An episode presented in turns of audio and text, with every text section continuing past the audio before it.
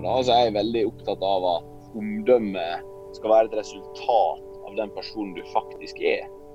Istedenfor at omdømme blir en ting vi prøver å oppnå med å vise til folk. Altså hvordan kan jeg og du, når vi sitter her på den podkasten, lure alle som hører på til at vi er fantastiske personer? Altså, vi burde, vi burde faktisk prøve å være fantastiske personer.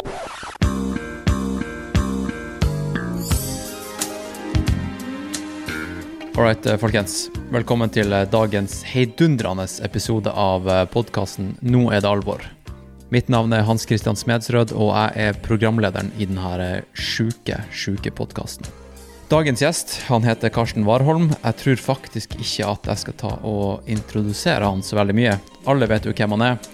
Alle vet at han eh, trener nå til eh, OL i Tokyo 2021, som forhåpentligvis eh, blir eh, arrangert.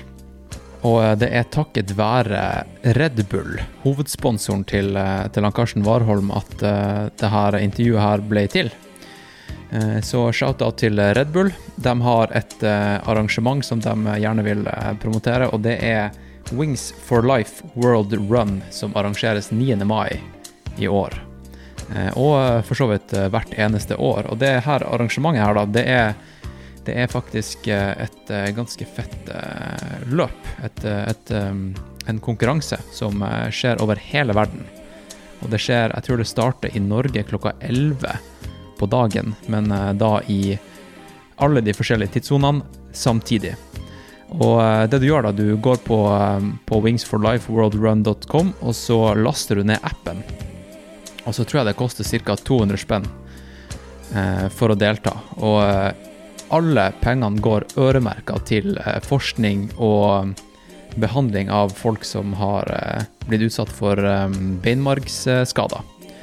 Eh, nei, ryggmargsskader, mente jeg.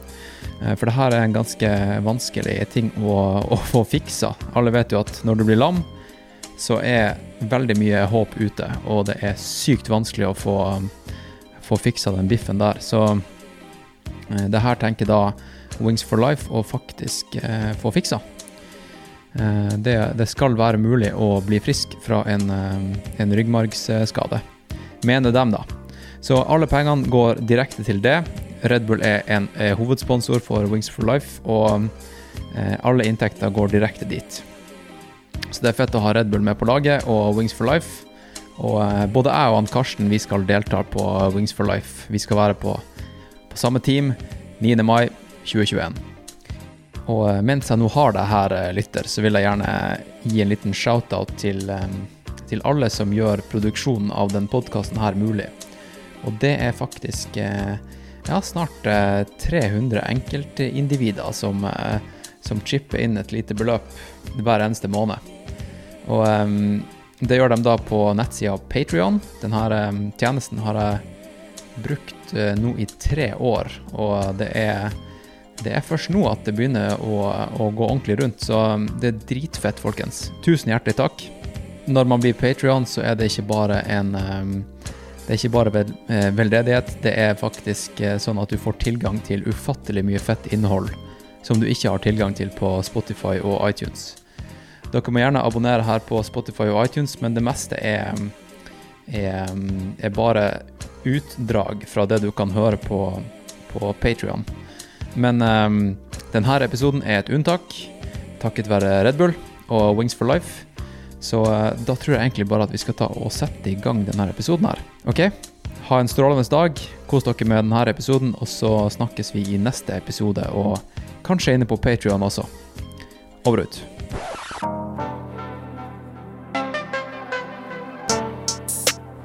Hello, this is another one. Another one, baby. Welcome to Now Is It Alvor with Hans Christian and friends. We're going to be the best podcast that you ever did here, and we're going to thrill you, we're going to teach you, we're going to entertain you. Like Britney Spears once said, there are those of us who observe and those of us who are here to entertain. And we're here to entertain you, bitch.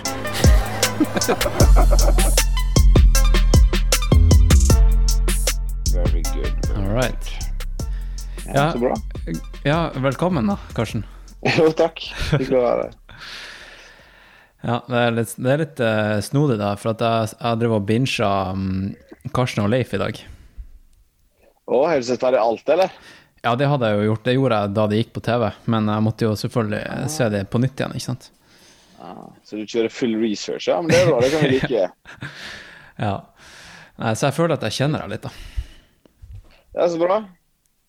Det er jo, det er jo sånn, hvis, hvis man tenker på alt som, som er gjort i typ TV eller media, sånn, så er vel det dokumentaren det nærmeste du kommer. Mm. Ja, det er jo veldig, det er jo veldig bra dokumentar, altså, vil jeg si. Altså, Ja, du liker den? Ja, takk. jeg gjør det. Dere går i Altså, dybden på tre, både treninga og liksom man blir kjent med, med deg som utøver og som person, så det er liksom Det er ganske unikt, altså. Ja, hyggelig å se. Altså, så godt som vi kunne, da, føler jeg. Altså, det var jo, vi, fikk, vi fikk jo relativt dårlig tid eh, mot, eh, mot, eh, mot slutten der. og sånn. Altså, det, var, det var mye altså, vi, vi skulle gjøre mye på veldig kort tid. da. Altså, Jeg er ganske sikker på at hvis vi hadde tatt oss bedre tid, så kunne det blitt enda bedre. Men, men ut ifra forutsetningene altså, Den dokumentaren for å liksom Vi bestemte oss for å lage den til den var ferdig sendt på TV, var jo bare noen måneder. sant? Så det kunne nok det kunne, det kunne blitt enda mer interessant, tror jeg. Men, men jeg syns egentlig det vi fikk ut av det, var veldig bra. Veldig fornøyd med det sjøl også. Ja, ja, det er jo ikke siste gang du har sjanse til å lage en dokumentarfilm om deg sjøl. Det der er jo Det der var Forhåpentligvis ikke. Ja. vi får se, da. Men det er, jo, det, er jo, det er jo noe stress med å ha det kameraet hengende rundt der også, sånn i forhold til å skape fullt fokus og, og alt sånn også. Så det er jo Det kommer med en pris. mm. Han Filip Philip Ingebrigtsen var på, eh, på treninga vår her i, for to år siden, eh, her i Oslo, og så spurte jeg han om liksom den der eh, Team Ingebrigtsen var representativ av eh, hvordan de faktisk var i, eh, i real life, og da sa han ja, liksom. Det er 100% sånn de er. Ja, det ville jo vært litt kleint hvis det ikke var det, da. Ja, sant. men, eh, men, eh, men ja, altså, det, det tror jeg altså Hva skal jeg si, da? Jeg, um, eh, jeg tror nok at veldig mange, sånn spesielt deg, da, som har hatt kamera lenge, blir nok mer vant til det. Eh, For min del så merker jeg at det er nesten umulig å glemme at du har et kamera der. Altså, du har alltid et, lite filter på, Mm. eh, men du prøver jo å få det så naturlig som du kan. da, og, og Det var jo også litt av målet vårt at hvis vi skulle gjøre det, så måtte det være eh, veldig troverdig da, og skulle være så nærme 100 som det går an. Mm. Men, eh, men det er klart, du fyrer ikke, du fyrer ikke de verste glosene på, på riksdekkende TV hvis du kan la være. Alright, eh, jeg sendte deg en liten agenda, så du den, eller? Jeg eh, skumleste den eh, i stad, ja. Ja, ja men kult. Jeg tenkte, altså Vi, Vi kan jo bare si at vi på en måte har jeg begynt. Vi kan si at vi Det har er ikke noe å starte, da. Ja, ja. Det er bare å ja. kjøre. Hvor lenge, hvor lenge tenker du vi skal preike? Nei, altså det, det er litt opp til deg også. Jeg satte av i hvert fall en, og en, halv, en til en og en halv time. Ok. Så det er opp til deg. Altså, hvis du eh, føler at det er nok, så, så er det nok. Og hvis du vil prate i fem timer, så gjør vi det, liksom. Ok, vi er der, ja. Nei, men, eh, men en time høres bra ut for meg, det, altså. Ja. ja. All right. Um, ja, vi har starta, så det er ikke vits å ta noe, noe til eh, introduksjon. Jeg tror egentlig alle, alle, alle som hører på, de vet godt hvem du er. Så um, igjen, velkommen til podkasten. Karsten Warholm. Jo, takk. Hyggelig. Igjen. Har du, har, du hørt, eh, har du hørt noe på Noe Nå er alvor?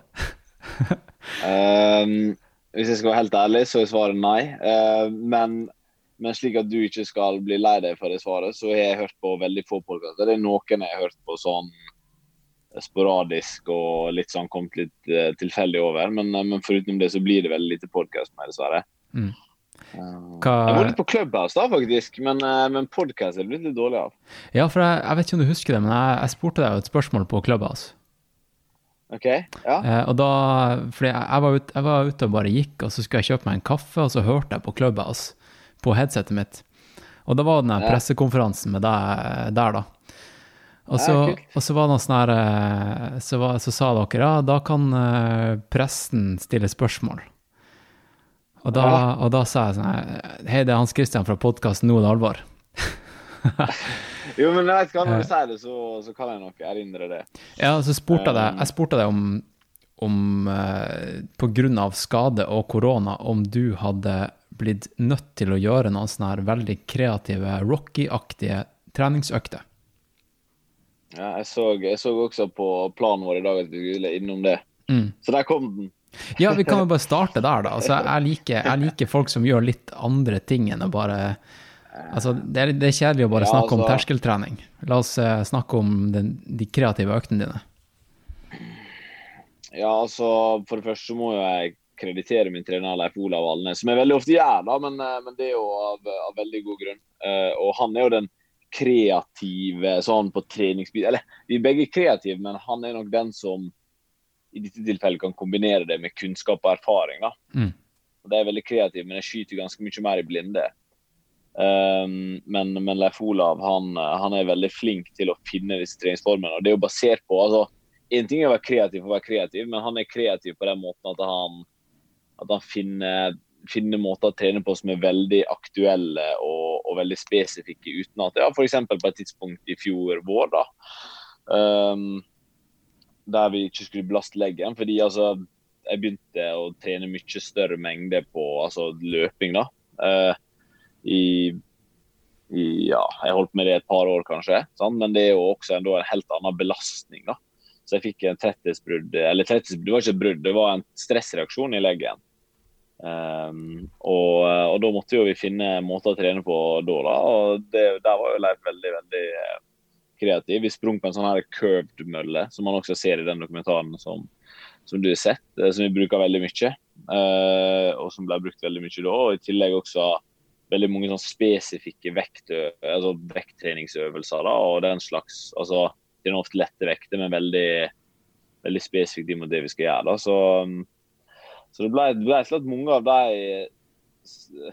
hva skal jeg si, apparatene som er i Valhalla, som vi bruker som er egentlig arvegods for Olympiatoppen, som bare har stått der og samla støv. De ble tørka støv av og brukt nå i den prosessen. da. Fett. Er det noe Ja, du, du har fortsatt med etter at du ble frisk også, å bruke, bruke nå? Ja, 100 eh, Vi bruker f.eks. den curve-mølla veldig mye.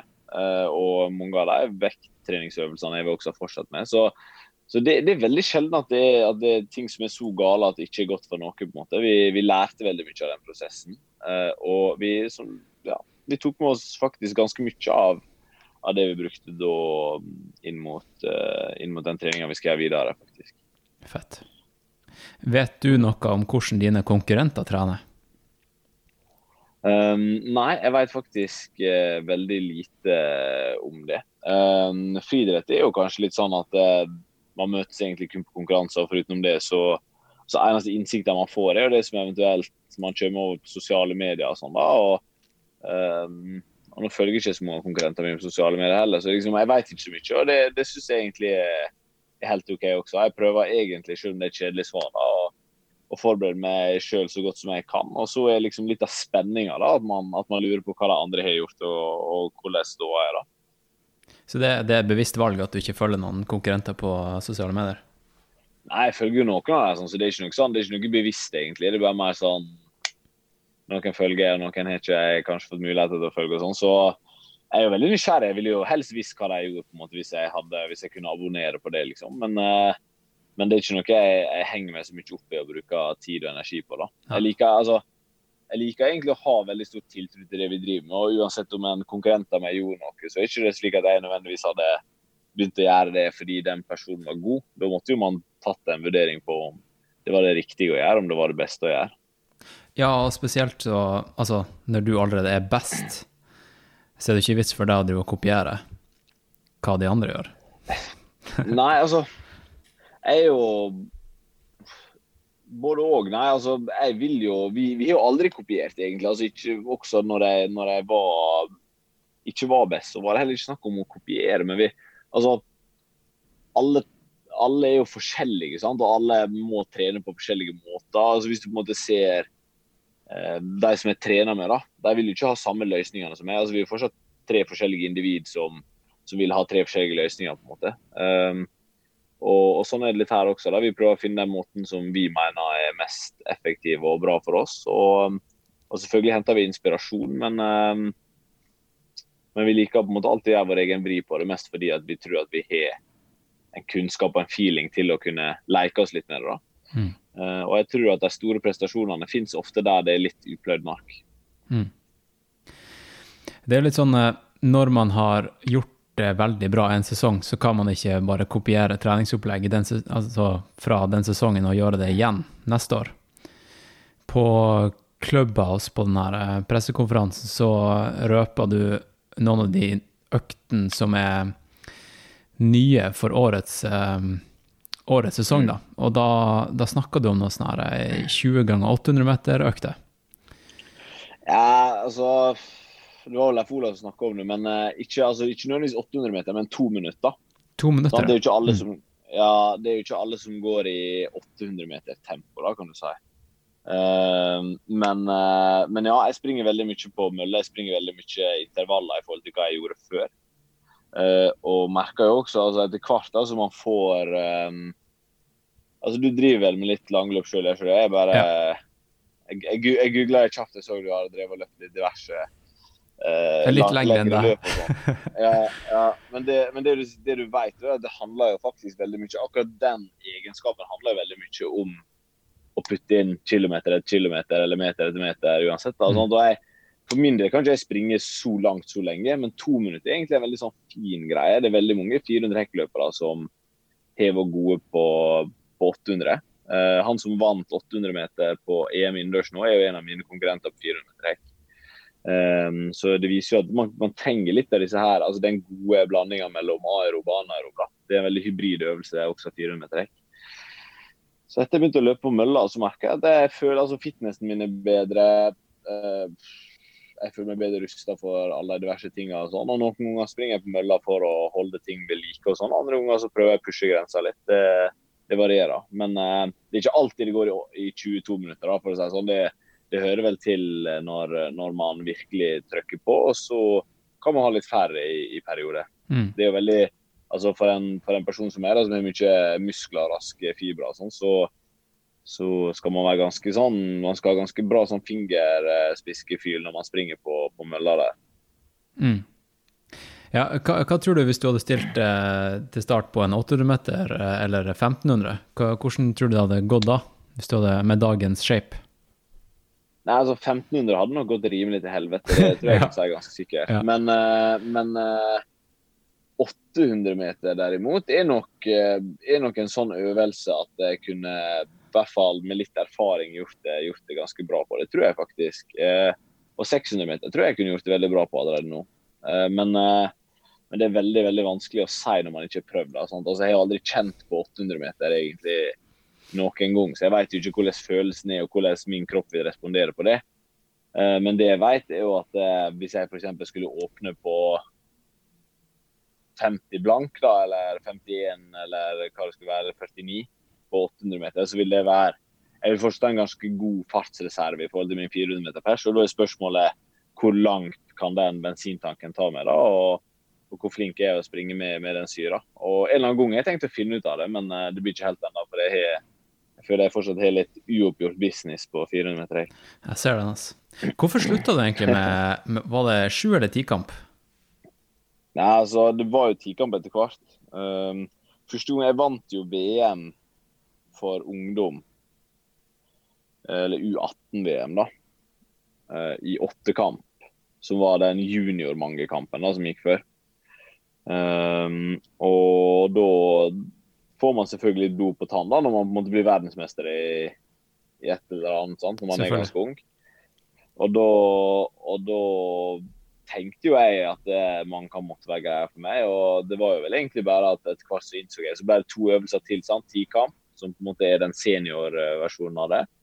Så ble det putta på to øvelser som egentlig var ganske svake øvelser. da, sant? Og Da blir på en måte veien plutselig mye lengre. og når jeg gjerne ville til OL i, OL i Rio, så, og akkurat da begynte å trene med Leif, så begynte vi egentlig å spille på det som var heller mine sterke sider. da.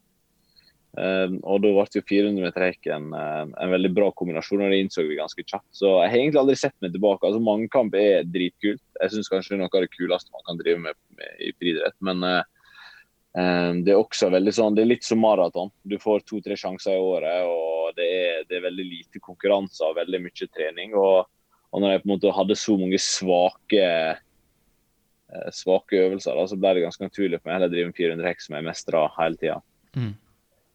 Jeg ser den. Altså, altså Mangekamp er liksom da, da kårer du virkelig det mest allsidige utøveren. Men det er ikke alltid det mest spektakulære tingene å se på TV. For du De eh, Skal du se folk med ekstra sprut i beina, så ser du på dem som, som har spesialisert seg i den øvelsen, ikke sant? Ja, 100 Og altså, jeg håper jo at mangekamp er en øvelse som fortsatt utvikler seg, for jeg syns det er dritkult. Eh, Jeg tror også mangekamp i en heller Altså, jeg skulle egentlig likt å se mangekamp i en litt mer komprimert form, da. Kanskje litt mer sånn som damene har den, egentlig. Fordi hvis du ser, hvis du ser på damene, så finnes det noen som er både verdensklasse i mangekamp og verdensklasse i en øvelse ved siden av. Eh, som jeg syns er ganske kult. da. Eh, det, hadde vært, det hadde vært gøy å sett sånn altså Hadde det vært femkamp da, med, med en 400 meter, en, en hekk f.eks., altså kort hekk, lengde, høydehopp og, og kule, så hadde det plutselig vært noe jeg kunne, jeg kunne drevet med også. Sant? Men, eh, men det, blir jo, det blir jo hvis man skulle skreddersy dette mer. Da. Men um, mangekamp er nok noe jeg aldri kommer å prøve igjen. Men, um, men um, hadde jeg hatt muligheter, så kunne jeg også satsa på det. Hva, i dine øyne, hva er vitsen med idrett? Ja, bra spørsmål. Um, jeg er jo veldig sånn på at idrett er en, eh, er en utrolig viktig arena. Da. Altså, jeg, jeg klarer ikke å gi deg et konkret svar på det greiene her. Nei, jeg forventer ikke et konkret svar, for det er et vanskelig spørsmål. Ja, det er et veldig vanskelig spørsmål, veldig innvikla. Jeg tror eh, jeg tror det blir liksom, altså det enkle svaret er ofte sånn hvis noen spør hva er meninga med livet, så vil man svare at det, er det du velger å gjøre til. sant? Um, men, um, men jeg tror at idrett er en veldig veldig viktig arena for alle.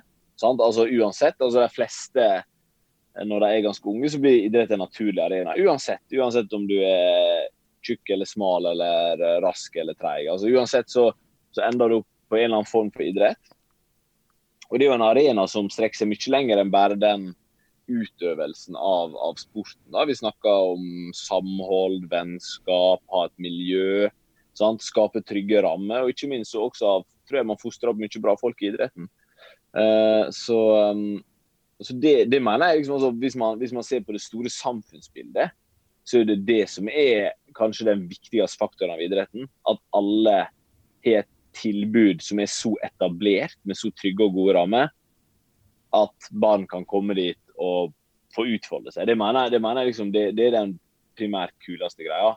Eh, For meg med toppidretten og sånn, så handler det nok mye mer om å, å pushe grenser. Um, og idrett for meg er på en måte en greie som utvikler seg mye. Det begynte med vennskap og samhold. Det er fortsatt vennskap og samhold, men en helt annen tilnærming til det å skulle prestere og det å skulle uh, pushe grensene mine. da, Som, som har gitt meg veldig mye. Men, men veldig mange slutta, veldig mange av mine venner har slutta. Det, det syns jeg også er kult. Men jeg vet at idretten gitt dem også enormt mye, og at de, setter veldig stor pris på den tida som, som var der også. da, så jeg tror egentlig at idrett er er en av hjørnesteinene i samfunnet, sånn som, sånn som det er bygd opp. da. Mm. For det er liksom det, Altså, etter at jeg begynte å gjøre idrett skikkelig seriøst i voksen alder, da, eh, og etter at jeg så og møtte andre som har um, virkelig gjort idrett til sin karriere, så ser jeg det at det er mange som sliter med den overgangen fra lek til alvor, når det plutselig blir yrke, liksom. Og ja. da ser jeg at det er mange i toppen som prøver å skape en litt sånn ekstra mening med det hele. Det handler ikke kun om å prestere på høyt nivå lenger. Det handler liksom om å gi noe tilbake. Har du, noe, har du tenkt noe ekstra på det, eller? Altså, jeg tenker veldig mye på at veldig mange ser ut til at de har mindre glede av lidenskapen sin når de begynner å få betalt for den. Nettopp. og det, det, det er egentlig det, det er noe jeg undrer meg veldig over. for Det burde jo ikke være sånn. Det burde jo bare være helt fantastisk å få betalt for å gjøre det du digger mest av alt å drive med. Eh, Men det jeg tror det bunner ned i, og det tror jeg alle idrettsutøvere kjenner på, det er faktisk også en del av seleksjonsprosessen i toppidretten som, som bare må være der. Det er jo det å kunne leve og levere under press. da, sant? Altså Plutselig så er det noen som har investert noen penger i at akkurat du skal levere. da. Og det, det, det, er litt, eh, det er kanskje en liten byrde å bære på. Samtidig så en del av idretten en del av den profesjonelle idretten, og det er noe å lære seg å leve også med de faktorene der. da. Um, og, og det, tror jeg, det, tror jeg, det tror jeg bare blir en del av, av den toppidretten etter hvert. Og for meg så er det selvfølgelig ja. Selvfølgelig prøver man å finne ting som gjør at man kan være med og inspirere. Og jeg tror at toppidretten ofte blir undervurdert. da. Eh, selv om jeg nå sa at bredde er kanskje det aller viktigste. Det, jeg, det, det mener jeg fortsatt, men toppidretten blir nok undervurdert i forhold til hvor viktig den er når det kommer til å inspirere spesielt yngre som skal begynne med de greiene her, og som skal komme inn Altså rekrutteringsprosessen, rett og slett. Men også hvor mye toppidretten gir både nasjonen og, og andre av identitetsfølelse. da? Altså Det er en grunn til at mange samler seg rundt og ser landskamper på fotball, eller når vi springer i VM-OL, at det skaper mye engasjement og mye også eh, tilhørighet hos, hos, folk som ser det her på, på riksdekkende TV. da, så så det føler jeg på en måte er en del av den, den greia som, som, gjør det ekstra spesielt. da. At, at, man, at, man, legger mye stolthet i det. Og også andre syns det er veldig, veldig kult å følge med, og også føle en viss stolthet til mine prestasjoner. da. Mm.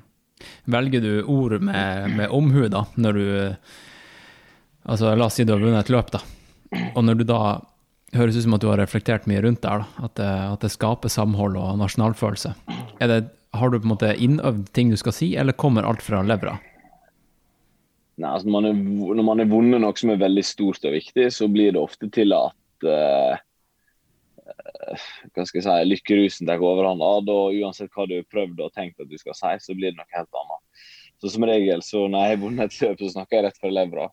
Um, og altså, Det er veldig viktig for meg. Jeg prøver egentlig å ikke være så veldig påvirka av Altså hvis, hvis, jeg på en måte skal, skal, skal, lære litt om hvordan jeg tenker, da, hvis det er interessant, uh, så er det en greie som jeg tenkt mye på i det siste. og Det er ofte at altså, aldri blitt snakka mer om omdømme enn det blir i 2021. Og Jeg er ikke så veldig glad i det altså, det som vi vanligvis legger i omdømme. da, altså Jeg er veldig opptatt av at omdømme skal være et resultat av den personen du faktisk er. Istedenfor at omdømme blir en ting vi prøver å oppnå med å vise til folk? Altså Hvordan kan jeg og du, når vi sitter her på den podkasten, lure alle som hører på til at vi er fantastiske personer? Altså Vi burde, vi burde faktisk prøve å være fantastiske personer i alle, i alle, i alle deler av livet. Sant? Uansett om folk lytter eller ser på eller ikke. Uh, og det er, veldig, det er, veldig, viktig for meg at det jeg leverer, skal være, skal være ekte varer.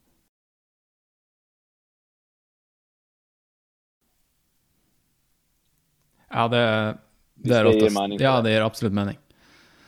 Absolutt. Det er kult at du tok initiativ til å snakke om akkurat det der. For er, det, er det noen andre ting som, som, du egentlig har hatt lyst til å snakke om i offentligheten, som du føler ikke har kommet fram? da? Altså Siden du er idrettsutøver og alle bare vil snakke om trening, er det noen andre passions du har? Altså, jeg, jeg, jeg, er en, jeg, er jo en, person som tenker veldig masse og sånn, men uh, men som regel, altså de fleste tingene som jeg har følt veldig på, har jo hvis det har noen relevans innenfor idretten. Altså, men altså, jeg føler ikke for å gå rundt og mene så veldig mye. For det, alle mennesker er jo meninger. Altså, jeg, jeg, vil jo helst være aktuell når, når det er en god idrettsprestasjon og sånn.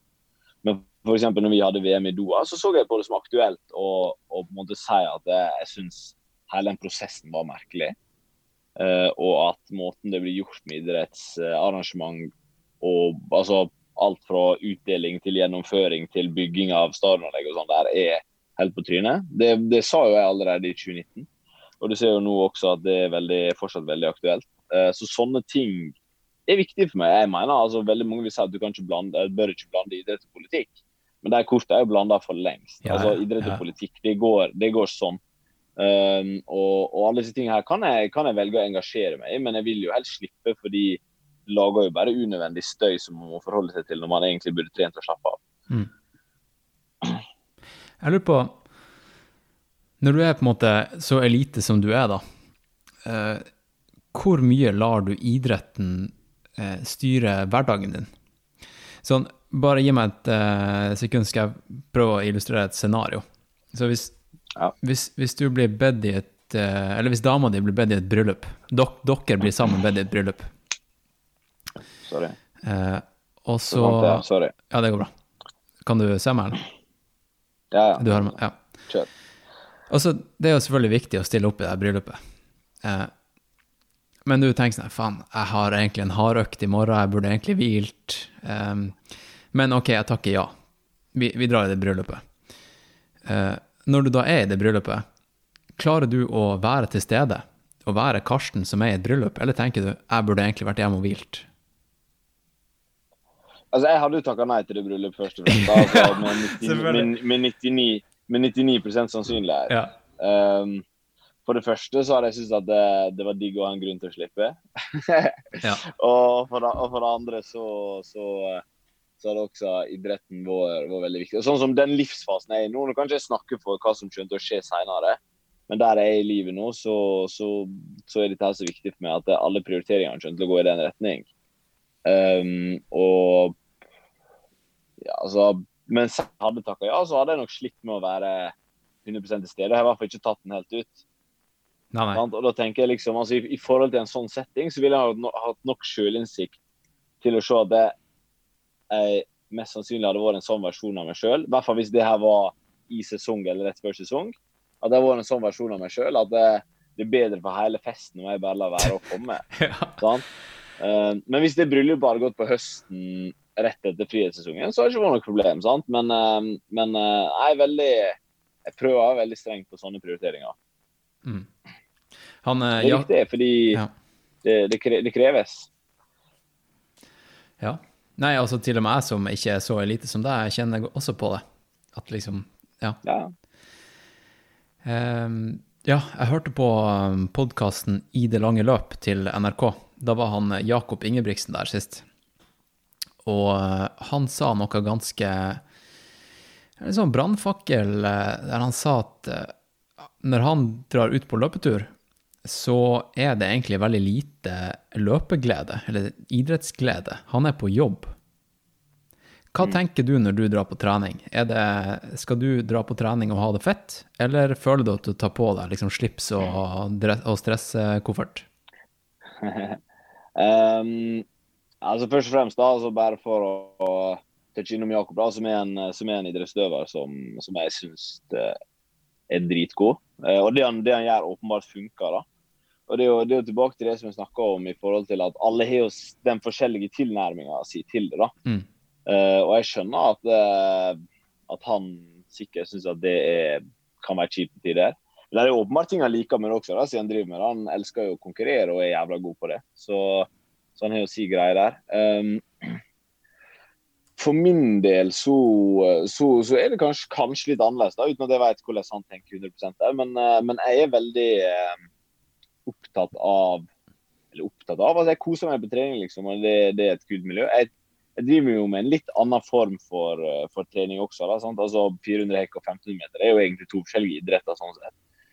Um, og det kan godt være at jeg har en treningsform som appellerer litt mer da, enn kanskje hans at den er, at den er tyngre og jævligere. Men jeg gjør en del jævlige økter. da, Det som jeg liker med de kjipe øktene, da, er jo ikke akkurat når du står i det nødvendigvis, men, men den gode følelsen av liksom endorfinene bobler når du er ferdig med økta. og liksom Den gode følelsen der. da, Det er nesten sånn det er litt sånn narkomani da, sånn, altså Man vil alltid ut og, og, og jakte disse følelsene her. Så, så jeg, jeg, jeg, jeg sier litt mer sånn treningsnarkoman som, som syns det er digg å putte inn trening. og men jeg er også veldig opptatt av at den treningen ikke skal være bortkasta tid. At det skal være at det, skal være at det, det jeg gjør, skal føle at det blir bedre. Så ja, jeg føler mer og mer også at jeg, jeg er på jobb når jeg trener. Jeg gjør det veldig seriøst og veldig opptatt av at ting skal, skal fungere bra og være riktig. Um, så, men men jeg, jeg personlig trives veldig godt uh, i treningsarbeidet, da. Og det er jeg for så vidt glad for. Du har, eh, du har sagt at du har én hviledag i uka, og den skal holdes hellig. Har du det fortsatt sånn, og eh, bygger du fortsatt Lego på den hviledagen? Eh, ja, altså Jeg har jo fortsatt hviledagen som er søndag, men jeg har oppgradert den litt. da. Det mener jeg man skal gjøre alltid. Og Grunnen til at vi har den hviledagen, er jo ikke fordi at vi Det handler jo mer om at vi trener såpass hardt, uh, altså mandag til lørdag, at, at man trenger en dag på å hente. Altså, det er jo slik at trening bryter ned, bryter ned mens mat og hvile, som Leif Olav bruker å si, det, det bygger opp. Eh, Så du er avhengig av å hvile for å få utbytte av treninga. Eh, Så søndag er på en måte blitt den dagen for oss. Eh, kona til Leif Kate er jo min massør. Det er alltid der på søndager for å få massasje og sånn. Og så har vi også installert en sånn jacuzzi ute i hagen til Leif. da, Så ofte et massasjen setter vi der, og sitter vi, sitter vi gjerne et par timer i jacuzzien og snakker dritt og sånn og koser oss, slapper av. Men, eh, men det, er blitt, det er blitt mer en sånn restitusjonsrutin da, for å få beina klare igjen til, til veka. da. Eh, så ja, altså, Hviledagen er fortsatt hellig på den måten, men, eh, men jeg er oppgradert den slik at jeg skal prøve å bli enda mer klar til, til økta på mandag. da. Mm. Men uh, Lego-opplegget, er det noe du har fortsatt med?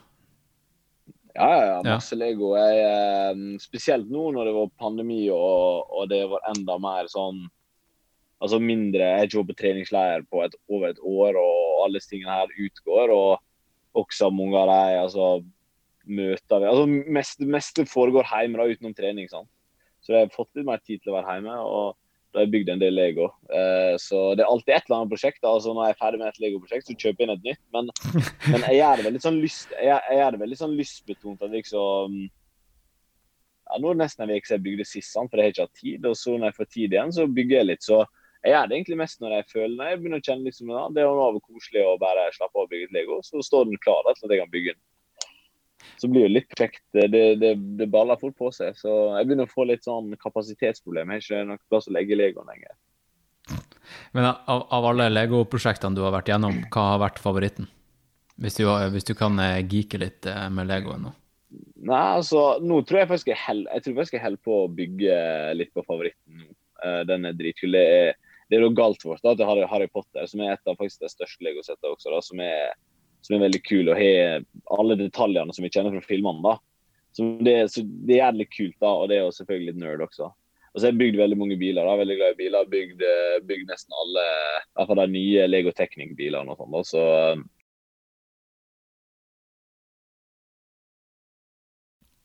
Rått. Du, eh, hvordan forholder du til, eh, til, mat og ernæring? Er, er mat eh, noe du bare stapper i deg for å prestere optimalt i trening og, og race, eller, eller, er du en foodie? Um, jeg er ikke en foodie i den forstand at jeg er veldig glad i å lage mat uh, og den slags. Jeg er, egentlig, altså, jeg er veldig glad i søtsaker, da. Det er jeg faktisk. Um, og det er, nok, det er nok det eneste som jeg syns er tøft å, å, stå av når jeg skal uh, når jeg skal prøve å bli litt mer lean eh, inn mot uh, sesongen og sånn. Fordi jeg prøver, jeg har jo sånn matchvekt som ofte jeg prøver å finne, da. Eller i hvert fall prøver å komme, få, få litt fett og sånn, og litt vekt. Det er jo veldig viktig sånn inn mot, uh, inn mot sesong. Men uh, om vinteren så liker jeg å bunkre opp litt, da. og da, da er jeg veldig flink til å spise godteri og sånn. Men middager, frokost, kveldsmat og den slags det er mer sånn, det er mer sånn da spiser jeg et eller annet som jeg vet er sunt. og ja, jeg veldig, bryr ikke meg så veldig om det smaker godt eller helt OK. Nei, du, du, du føler ikke noe spesielt eh, regime, bortsett fra at det skal være sunt, liksom? Du er ikke noe Ja, altså, jo, jeg både òg, da. Jo, altså litt regime, men det er ikke sånn, altså, jeg vet ikke hva jeg skal ha til middag hver dag sånn, men, men jeg vet ofte liksom Jeg prøver å dele opp, sånn, prøver å spise to ganger fisk, to ganger kylling, én gang kjøtt, altså og, og den slags, da, og prøve å gå litt på på liksom disse her eh, hva jeg sier da, gode næringskildene, da, og som også ofte prøver å gå for mat som, som har lite fett, med masse proteiner f.eks. Og så kanskje noen gode karbohydrater og masse grønnsaker. Jeg har liksom, jeg har jo en sånn greie jeg følger, men den er ikke sånn, den er ikke 100 sånn slavisk. Um, og jeg har ikke noe imot det på en måte hvis jeg ja, hvis jeg har hatt en lang uke og hatt en, hatt en god uh, hatt en god treningsuke, og sånn, så koser jeg meg gjerne med med, med taco og, is på en fredag. Liksom. Det er ikke noe problem. Ja. Nice. Jeg, jeg, tror, jeg tror jeg skal ha et veldig sånn sunt forhold til mat, men samtidig også mer og mer et bevisst forhold til det. Da, fordi det er åpenbart en faktor. Men jeg bruker mat som, som en måte å bygge prestasjonene mine enda bedre. Mm. Egentlig. Det er et verktøy, det også, på lik linje med alt annet. Ja, ja. Helt klart. Helt klart. Um, ja. Jeg tenkte, jeg tenkte, å snakke litt om, om um, rollemodeller.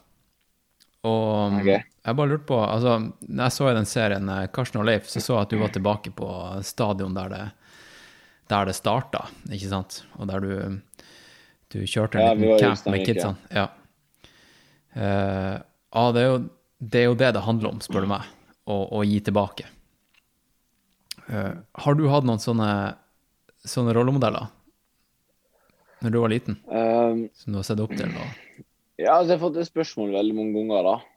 Um, og altså Jeg har nok hatt mange rollemodeller. da, altså sånn uh, Nå, for eksempel, er jo Leif en av mine rollemodeller. sant? Altså En, en, en veldig klok og, og, og hyggelig kar som, som jeg lærer veldig mye av. Det blir en rollemodell. Um, og jeg vokste jo opp i et nærmiljø med veldig mange altså Mine foreldre var veldig engasjert, og ja, også lokalmiljøet er engasjert. engasjert. Så du får jo på en måte rollemodeller sånn. Uh, men hva det kommer til aktiv, så er alltid liksom, altså I vår idrett er jo Usain Bolt vært en helt i mange mange år. Som jeg syns var dritkul, og, og, som på en måte er Altså, han ble, jo, han ble jo større enn sporten, på en måte. og Det er jo det er jo det har vært fantastisk for friidretten. Og, og sånn som han ser man selvfølgelig opp til veldig, veldig sportslig. Jeg har jo til gode å møte han personlig, og det håper jeg skal få gjort en gang. Um, Ja, det må du jo via, via Puma. Ja da, de har jo, de har jo lovd det, da. Så vi må bare Det er bare vår det har vært en pandemi over uh, halvparten av tida jeg var sammen med dem. Så vi har fått, uh, vi har ikke fått tid til å gjøre sånne ting ennå. Uh, men, uh, men ja, altså selvfølgelig har jeg hatt mange, mange rollemodeller, og ikke minst liksom uh, veldig mange folk som har vært veldig engasjert i, i det jeg driver med, og på en måte også å, å hjelpe meg da, til å bli enda bedre. Mm. Det er viktig. Ja, det er det, altså. Wings for life. Wings Ja. for life. Skal du delta? Ja, jeg skal det, men eh, Skal det det? blir nok altså, Ja, altså jeg så i fjor var det en som hadde løpt 64 km eller noe sånt før han ble tatt igjen av den bilen. da. Ja. Um, det blir ikke meg, da, for å si det sånn. Ja hva, hva, blir, hva blir din eh, plan, da? Nei, altså Min plan er jo egentlig å være med og støtte eh, opp under det bra tiltak som jeg mener det er. Eh, og jeg synes det altså Wings for life var jo noe av det som jeg sa til Red Bull også når vi, når vi signerte, at det er på en måte en greie som, som jeg kunne tenke meg å være med på å fronte. Altså For det første er det midt i blinken for løping som jeg driver med og sånn. Men samtidig så er det også altså, et, et veldig bra veldedig formål.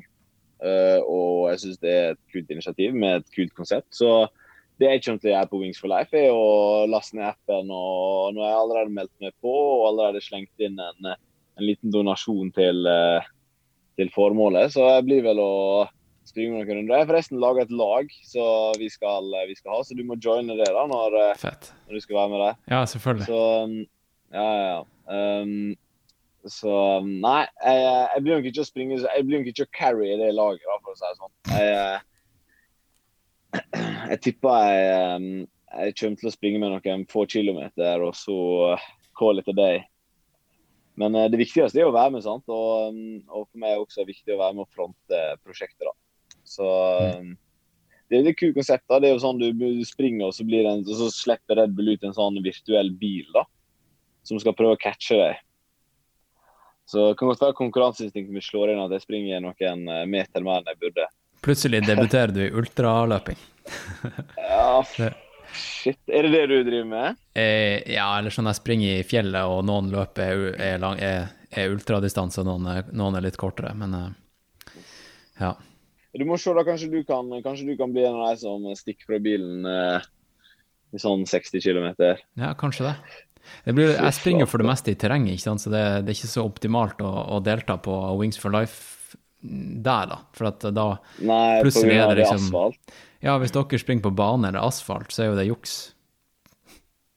Ja, hvis du springer i terrenget, ja. Hvis jeg springer i terrenget. ja. I fjellet, liksom. Men eh, for å si det sånn, eh, for å si sånn, du hadde nok pissa på meg ganske greit likevel, tror jeg. Håper jeg, for, din, jeg håper er for din del. Du, det er faktisk eh, Altså, det er jo mange av mine lyttere som er ultraløpere, og jeg snakka med noen av dem eh, om at jeg skulle podde, podde med deg. Og så samtlige har sagt sånn Å, du må spørre han om han har tenkt å begynne med ultraløping når han er ferdig med det 400-meter-pisset. Hva du tenker om, om, om det?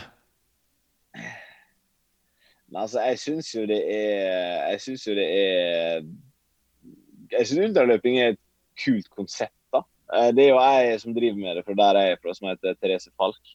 Um, og altså all honnør til det. Jeg bare ser ikke helt for meg at altså, Jeg får jo trøbbel i leggene hvis jeg begynner å bikke liksom eh, en, mil, liksom. Sant? Og begynner, begynner leggene mine å skrike. Men det er vel en vanesak.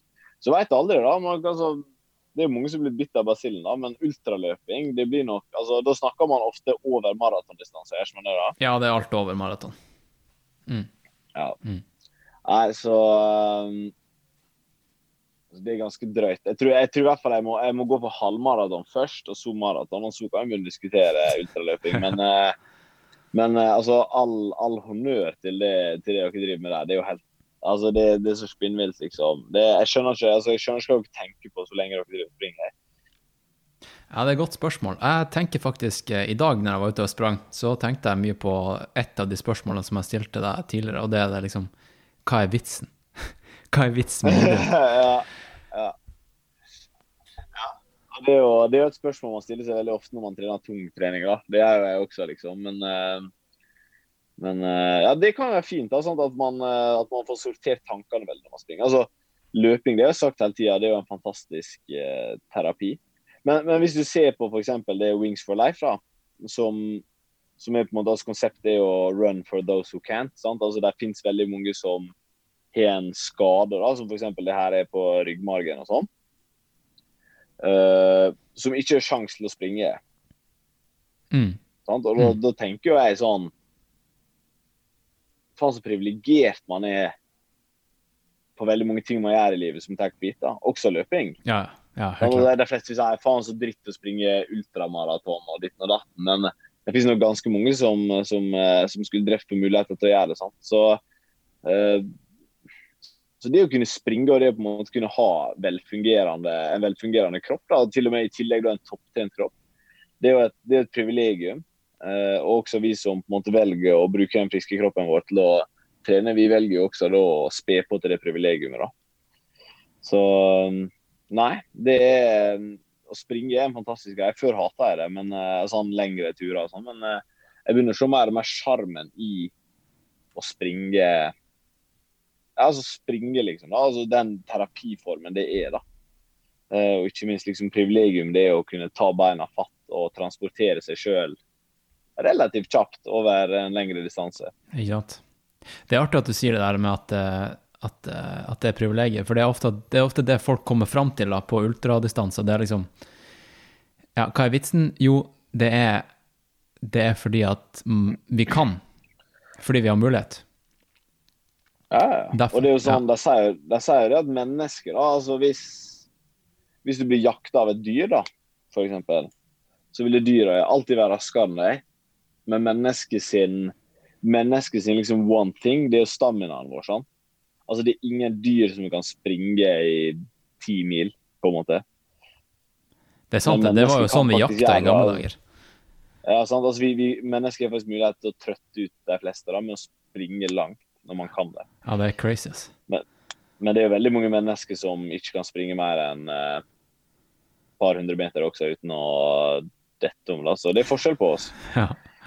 Du, hvordan går det med, med treninga nå fram, til, fram mot eh, OL? Er du i rute, eller? Jo, takk som spør. Det går, eh, det går egentlig veldig bra. Jeg føler vi er veldig i rute. og altså, Ting måtte blitt gjort litt annerledes. Uh, Rett det vi snakka om i stad. Um, og vi, vi er jo kun i Norge og trener, men samtidig så trives jeg veldig godt med det. Uh, det har gjort at vi har fått spedd på mer trening. da. Uh, og altså Mengdetreninga er jo veldig bra. og også, altså, Nå føler jeg jeg har en bunnsolid base. Eh, Så nå handler det egentlig om å på en måte holde seg frisk og rask og, og få liksom det overskudd man trenger til sommeren. da, og Da blir jo også den store kabalen å legge opp til forhåpentligvis være i sitt beste slag i OL, egentlig. Hvordan, eh, hvordan type periodisering gjør dere? Det er jo veldig annerledes type periodisering enn f.eks. en 1500 meter-løper eller ultraløper, for den saks skyld. Hva, hvordan, hvordan ser en treningshverdag ut nå kontra om to måneder, liksom? Nei, altså Sånn som vi trener, så er målet mitt at uansett, hvis jeg på en måte skulle fått seks uker Hvis du sa seks uker i dag, så er OL-finalen, Ja, så skulle jeg klart å være i jævlig bra form om seks uker. på en måte. Okay. Uh, og jeg, jeg prøver liksom alltid å ha jo, men altså, Jeg er alltid grunntrent. Jeg er alltid et bra grunnivå. Sant? Altså, jeg ville selvfølgelig ha hatt en lengre frist enn seks uker, men, men, poenget er at det, jeg skal alltid kunne klare å levere en ganske bra prestasjon.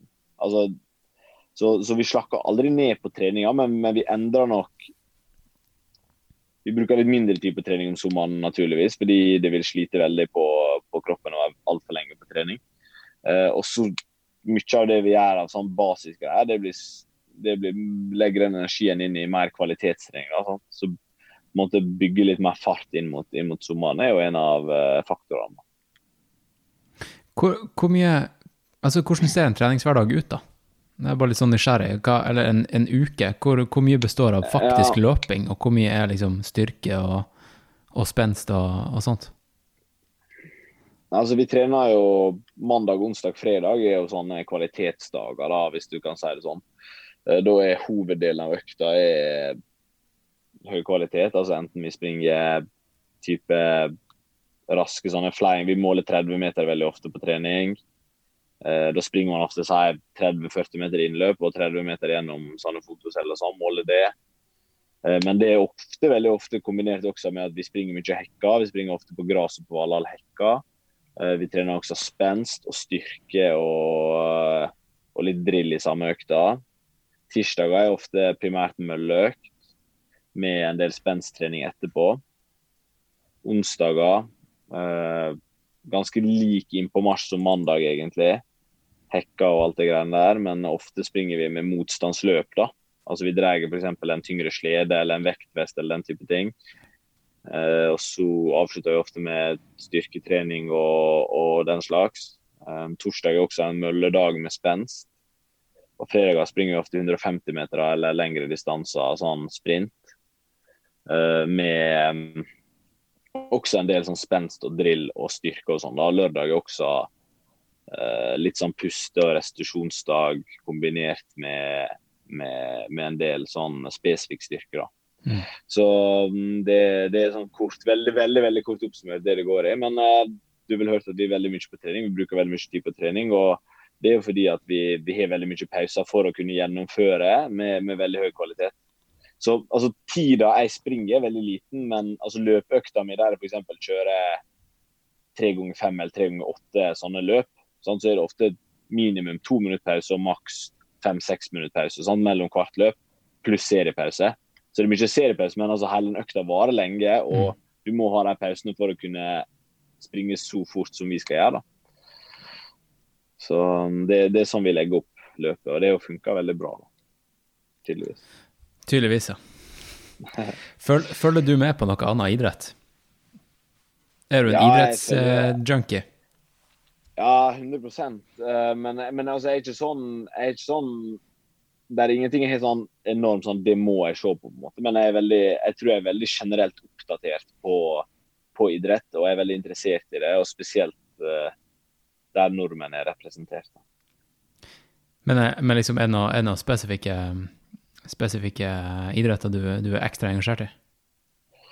Altså, jeg ser ofte type eh, Altså, friidrett er jo det jeg, det jeg elsker, selvfølgelig, og det som jeg setter overalt. Og så blir det um, mye fotball gjerne med, med venner og sånn, ser vi på. Uh, jeg ser mye på diverse skisport uh, om vinteren. Etter jeg begynte med Red Bull, så har jeg også fått litt øynene opp for snowboard og, og, og liksom den type um, ski der de hva de kaller freeskiing eller et eller annet sånt. Mm. Um, og alle disse tingene her, da. Um, så um, jeg konsumerer det meste, for å si det sånn. Har, har du sjekka ut uh, Red, Bull, Red, Bull, TV, eller? Og real rock og klatring? Har du blitt noe inspirert av å klatre? Nei, jeg har faktisk ikke sett akkurat det på det. Jeg har sett den Free Solo, den uh, dokumentarfilmen da, om han som klatra det fjellet ned i nede i USA der, og det er jo helt rått. Men eh, jeg klatra litt på videregående, faktisk. Vi hadde det på idrettslinja der, men eh, foruten det så er det blitt lite klatring på meg. Men ja, for det er jo kult er, å se. Du er jo liksom fra en landsdel med ganske mye heftige fjell, altså. Ja, absolutt. Har du vært løpt der noe på Summersalpene og sånn? Jeg, jeg satt faktisk rett før jeg, jeg tuna inn her på, på, Zoom, så satt jeg og klippa ferdig en film fra Jeg sykla faktisk over til Sunnmøre i sommer. Eh, og jeg sykla over dit, ja. ja, og så, så, så filma jeg, jeg en god del fra Sunnmørsalpene, og jeg satt og klippa og så på noen, noen snutter derfra. Det er, jo, det er jo helt drøye fjell. Det er jo helt drøyt. Heter han Der er jo en Der er jo Jornet, heter han det? Han, Ja, der er han som flytta ned Ja, Ja, ja. til eh, Han bor vel på eh, en eller annen plass der, enten om det er Romsdalen eller sånn. ja, han bor i Måndalen, Ja. rett med Åndalsnes. Eh, han, han har jo lagt ut en del kule videoer. Det har jeg sett på, faktisk. Noe av det. Ja, han er drøy, ass. Han, var, han har vært med i podkasten. Uh, nei? Mm. Ja, men det er kult. Ja, men kult, da. Så jeg, jeg, jeg, ser, jeg ser litt på sånne ting. Ja, jeg gjør det. Ja.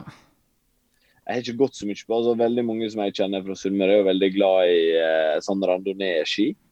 Uh, blitt veldig litt av det. Men, uh, men som sagt, idrettslinja jeg gikk på, så var jeg veldig mye ute i friluft. Jeg har jo gått på alle, alle de eh, eh, fjella og, og mange av toppene der gjennom, gjennom det. da, og bodd, eh, bodd ute på fjellet og sånn.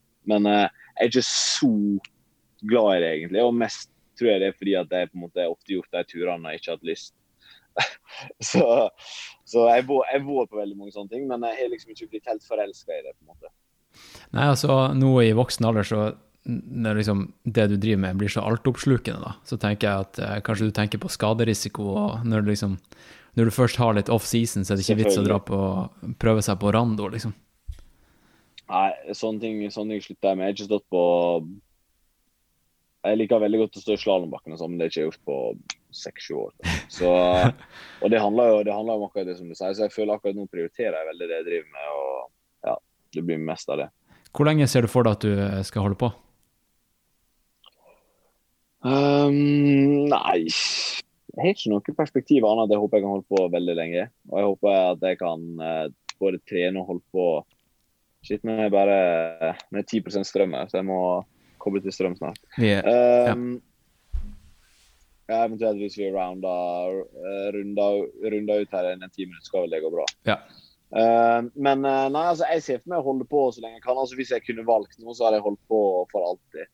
Um, så det jeg håper, er at jeg på en måte kan komme på et så høyt nivå at jeg kan uh, at jeg kan være en god frihetsutøver i mange mange år og banke bordet, lite skade og trøbbel og sånn. Så, så mitt mål er å kunne holde på så, så lenge som overhodet mulig, egentlig. Så ja. Jeg ser ikke for meg ikke sånn at jeg gleder meg til å legge opp eller den slags, eller jeg har begynt å tenke på det i det hele tatt. Nei, sant. For jeg, jeg drev med skøyter i gamle dager, og da var det alltid litt sånn her eh, at sprintere, de, eh, de brukte å gi seg rundt sånn ja, i slutten av 20-årene, når de bikka 30. Men jeg vet, ikke, jeg vet ikke hvordan det er med 400 meter hekk. Kanskje du kan bare Nei, drøye distansen? Det, ja, sant. Altså, det er kanskje da man kan begynne å vurdere andre ting, eller eh, ja, begynne å leke med tanken, da. Um, så, men som sagt, altså, hvis jeg på en måte kan opparbeide meg et veldig høyt toppnivå, så vil man på et eller annet punkt vil jo man ikke kunne forbedre seg så mye mer nå. Men hvis jeg da er på, en ganske, på et ganske bra nivå, så vil det være mulig å holde på med en god stund til. Jeg snakka med en kompis på telefonen rett før vi starta her, og, og eh, han, han, han lurte på om du, når du står der på startstreken, eller i hvert fall i startområdet, når du liksom skal fyre deg sjøl opp, ikke sant? Du, du slår deg sjøl på, på kassa og i trynet og uh, i kampens hete, har du noen gang liksom jinxa det? Hvis du skjønner hva jeg mener? At du liksom tar deg sjøl i å liksom føle på at liksom i, Fuck, altså, i dag I dag har jeg ikke den ilden i magen som jeg trenger for å prestere optimalt. Jeg har hatt det noen ganger. Da. Det er ofte på sånne konkurranser som eh, altså Veldig mye i 2020 var det veldig vanskelig å få fram den følelsen pga. publikum er borte. og liksom Ja. Alt er litt sånn merkelig, da. Um, og også jeg hadde et løp på slutten av året, året, slutten av sesongen i 2020 der jeg løp på Bislett skulle springe 400 meter. og mer, Jeg hadde veldig lyst til å springe fort, men jeg kjente liksom at mentalt og liksom her i kroppen var sånn Ja, ikke i dag. jeg var liksom ferdig. Sant? Jeg hadde på en måte innstilt meg på alle løpene jeg skulle gjøre. Men da jeg var ferdig, så, liksom, så blir man litt uh, ut, uh, ut Man blir litt mata ut av det, sliten og lei. Uh, så ja, jeg har 100% kjent at liksom nå, er- nå henger ikke jeg 100% med her, og, og det merker man fort. Men det har aldri skjedd i en setting der jeg virkelig trenger å prestere. At, eh, at det var mangel på det. Fordi da er som regel settingen med på å på en måte bare eh, sette standarden, da, egentlig. Ja, sant. Det var akkurat det jeg tenkte du kom til å svare. Eh, og Ja. at eh, kanskje at når startskuddet går, da Da smeller det, liksom. Ja, det har gått en jævlig med mange ganger. Altså, det er jo 100 ganger vi vært på NM og sånn, og, og sesongen er egentlig ferdig, og du vet du vinner NM uansett, på en måte. Uh, og så har det vært sånn faen, jeg har jo egentlig litt lyst på den kongepokalen. Og så må jeg gå og kjenne litt på at jeg har lyst på den kongepokalen, og så måtte jeg hente ut en prestasjon som egentlig ikke var der. da. Eller sånn. Altså, den var der selvfølgelig, men uh, det, det er liksom, da må man virkelig ta seg sammen. da. Så hvis, det er, hvis motivasjonen er høy nok, så klarer man alltid å skjerpe seg litt. Rått, eh, Karsten. Skal vi runde av, så får du eh, bruke Ja. de siste fem prosentene på Instagram på telefonen. Får vel koble, i laderen, tenker jeg. ja. Men det var jævlig kult å preike. da, og så hvis du, hvis du plutselig bestemmer deg for at du skal på en løptur løpetur når det er den her eh, Red Bull-løpet, det her Wings for life, så må du melde deg på Team Warholm, og så får du klokke noen kilometer for oss. Det skal jeg gjøre, ass. Kanskje jeg, jeg, jeg kan eh, ro det hele i land. Du kan ta 400 meter, så tar jeg, tar jeg Ja, kanskje vi gjør det. Ja. Du kan få sjarmøretappen. Ja. Nei, men kult. Takk for at du tok deg tida, da. Det Vi takk sjøl, veldig hyggelig. Og så eh, snakkes vi forhåpentligvis Vi- plutselig. Vi snakkes. Vi snakkes. OK, greit det. Over ut. Det bra. Ha det. Ha det.